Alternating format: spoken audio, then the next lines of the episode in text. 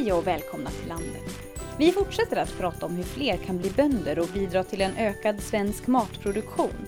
Som för alla andra yrken så krävs kunskaper för att kunna komma igång med ett liv som bonde.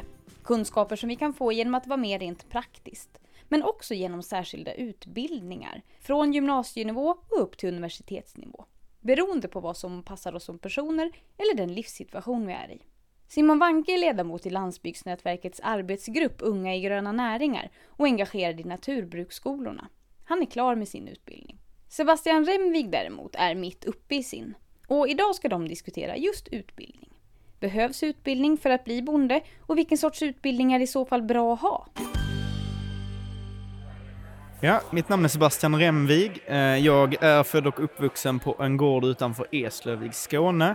Utbildningsmässigt så eh, gick jag inte på något eh, naturbruksgymnasium utan fortsatte med en teknisk utbildning för att sen börja plugga till agronom eh, där jag nu har gått tre och ett halvt år. Just nu så arbetar jag som styrelseordförande i Ultuna studentkår och har alltså studieuppehåll innan jag ska avsluta mina studier.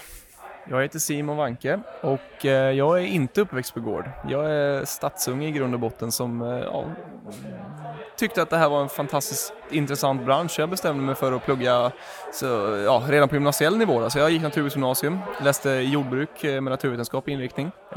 Efter studenten så jobbade jag några år på gårdar, maskinförare och sen så valde jag att vidareutbilda mig till lantmästare med eh, kandidatprogram då, inriktning företagsekonomi. Där är jag färdig nu sedan drygt ett år tillbaka och jobbar idag som driftledare på ett större jordbruksföretag. Behöver vi utbildning för att kunna bli bonde eller matproducent? Eh, jag tror inte att det är ett absolut krav. Eh, det tror jag inte, speciellt inte om man inte är den typen som gillar att plugga och läsa. Däremot så tror jag att man behöver en kompetens.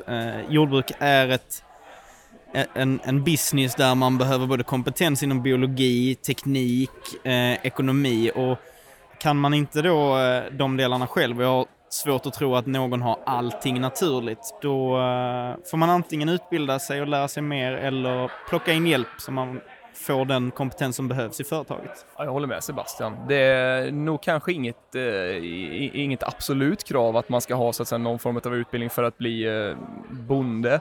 Men eh, det är ju som sagt, det är väldigt komplext. Eh, vi, har, vi har naturen vi har att jobba med. Vi har så att säga faktorer som vi kan påverka, men vi har ju då mycket faktorer som vi inte kan påverka. Och just hitta samspelet i det där och, och, och hitta managementfördelar så att du faktiskt tjänar pengar. Det kanske underlättas ganska rejält om du faktiskt har en utbildning, det skulle jag vilja hävda. Vilken typ av utbildning är, det vi behöver då för att få de här kunskaperna?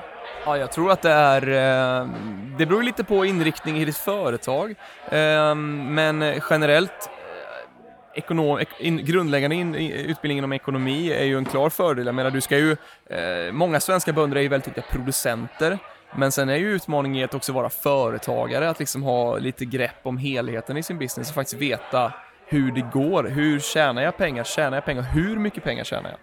Eh, och vart kan jag så att säga effektivisera? Bokföring är ju också väldigt intressant eh, och det hjälper ju dig att få eh, en betydligt bättre blick av ditt företag egentligen. Eh, jämfört med om du till exempel lägger bort alla tjänster och du litar på att någon annan fixar det åt dig och du får hem papperna på en perm där någon talar om för dig så här har det gått.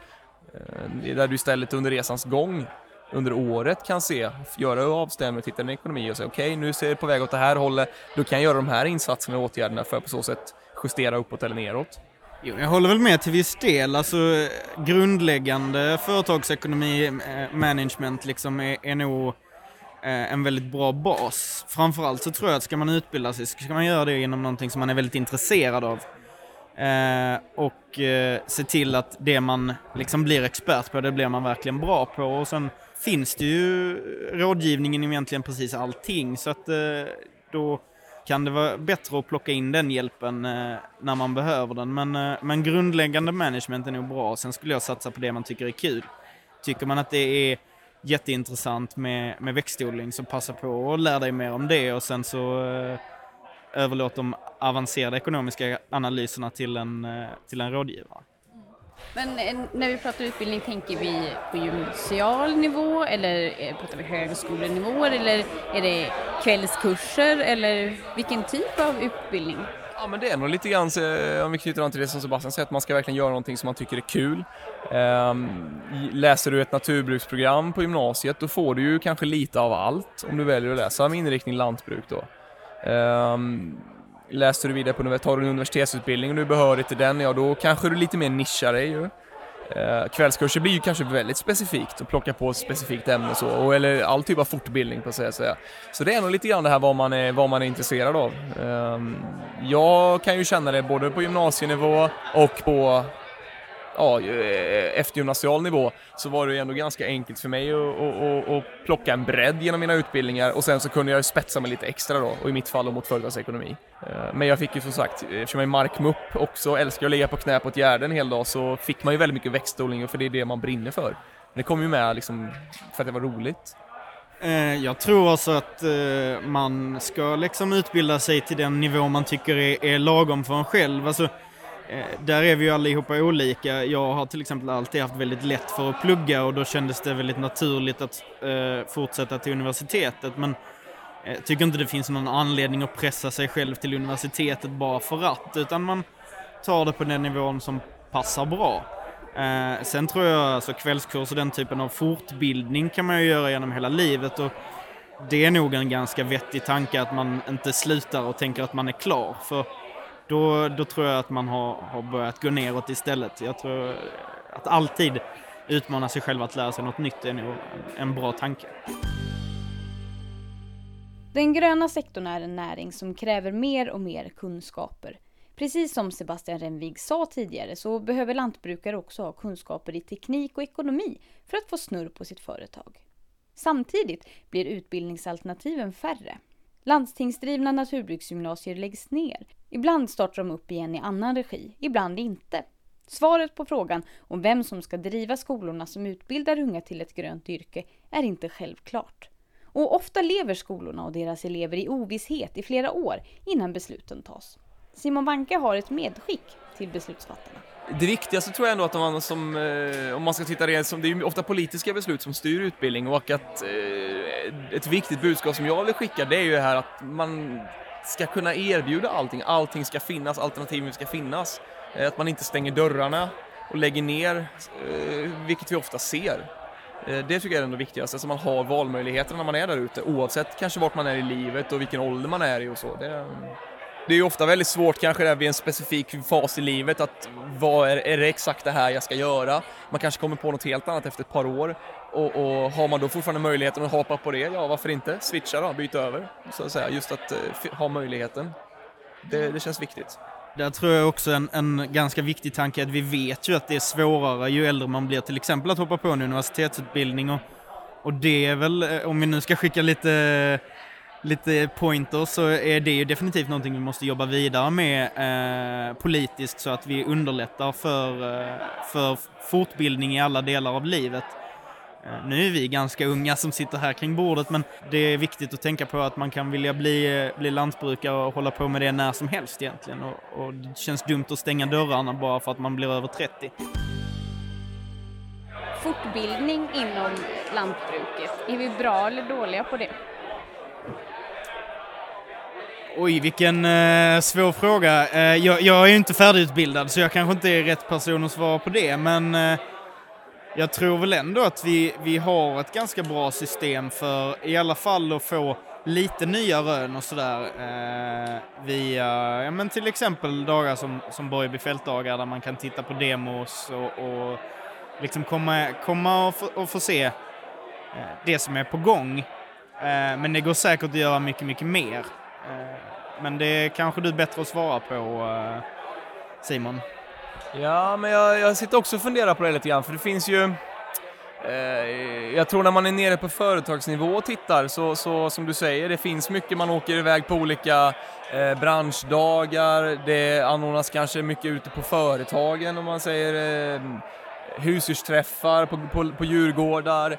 Eh, ja, fältvandringar och liknande. Så jag tror att vi är ganska duktiga på det, att försöka hålla oss lite ajour. Eh, de här lite större branschdagarna då som Borgby fältdagar, Brunnby lantbruksdagar till exempel, det blir ju också lite utav en, eh, en mötesplats här, att liksom vi träffas och umgås lite grann också så blir det lite, lite avkoppling i vardagen samtidigt som man faktiskt förenar nytta med nöje. Eh, men sen ser vi att det dyker ju upp fler och fler sådana dagar där det faktiskt finns ett syfte att lära sig någonting. Där det inte bara är eh, att, att träffas och umgås eh, och, och vara på branschdagar. Men det är ändå så att den vanligaste formen av fortbildning det sker genom genom träffar, genom de här mer konferenser eller vad man ska kalla det eller utbyte av erfarenheter sådär men inte att man går en kurs eller sådär. Jag tror inte det. Eh, eh rätta mig om jag har fel, men jag, jag, jag, tror inte det. Jag tror mycket för att säga. Eh, man, man, kan, man kanske söker någon, någon specifik kurs där för ett väldigt specifikt ämne, men sen tror jag ändå för att försöka hålla sig lite ajour med det, det, det, som kommer löpande så tror jag man försöker vara med på sådana träffar och liknande om man har ett intresse av det. Och utbyta erfarenheter. För man vet ju det, det finns ju ganska mycket forskning och, och, och som tyder på det och mycket praktiska eh, samverkansprojekt också där man ser att öppenhet producenter och företag sinsemellan, det är ju en framgångsfaktor faktiskt. Det stärker, det stärker företaget, det stärker dem som personer. Men säger. Jag tror en faktor där också är, är, en är tiden. Eh, att det går ganska okej okay att sätta undan eh, en dag när det passar, men att gå någon längre utbildning eh, blir ofta ganska knepigt. Jag var på, på en eh, utbildning som SLU, eh, alltså Sveriges lantbruksuniversitet, hade och eh, då var det blandat studenter och, och sådana som var aktiva i, närings, eller i, i näringen.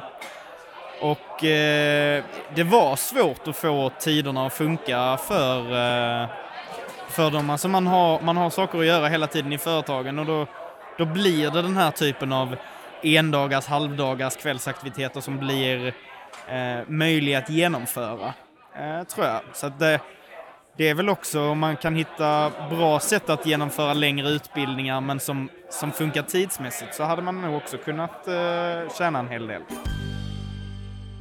Skulle våra företag och, och sådär, skulle vi må bra av att fortbilda oss mer än vad vi gör?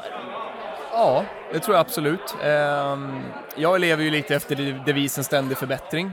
Eh, som person lite det här, jag tror alltid att man kan göra saker lite, lite bättre eh, och förfina det man gör. Och det, digitaliseringen, allting, det, det, det går ju så mycket fortare nu.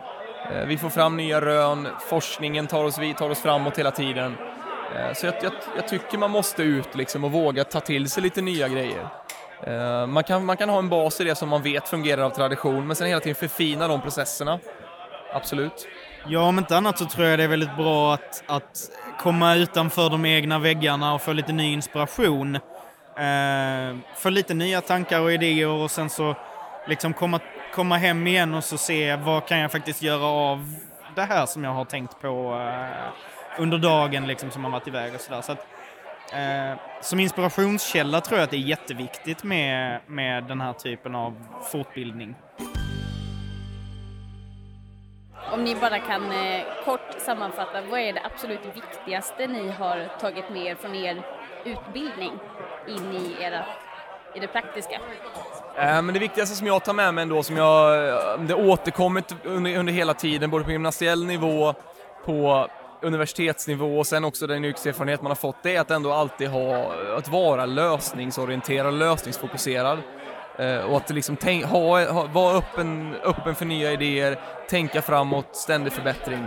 Jo, men jag tänker faktiskt på någonting som Simon sa tidigare i eh, podden här och det var ju faktiskt det här med att vi blir bättre av att eh, lyssna på varandras tankar och idéer och att när man öppnar upp.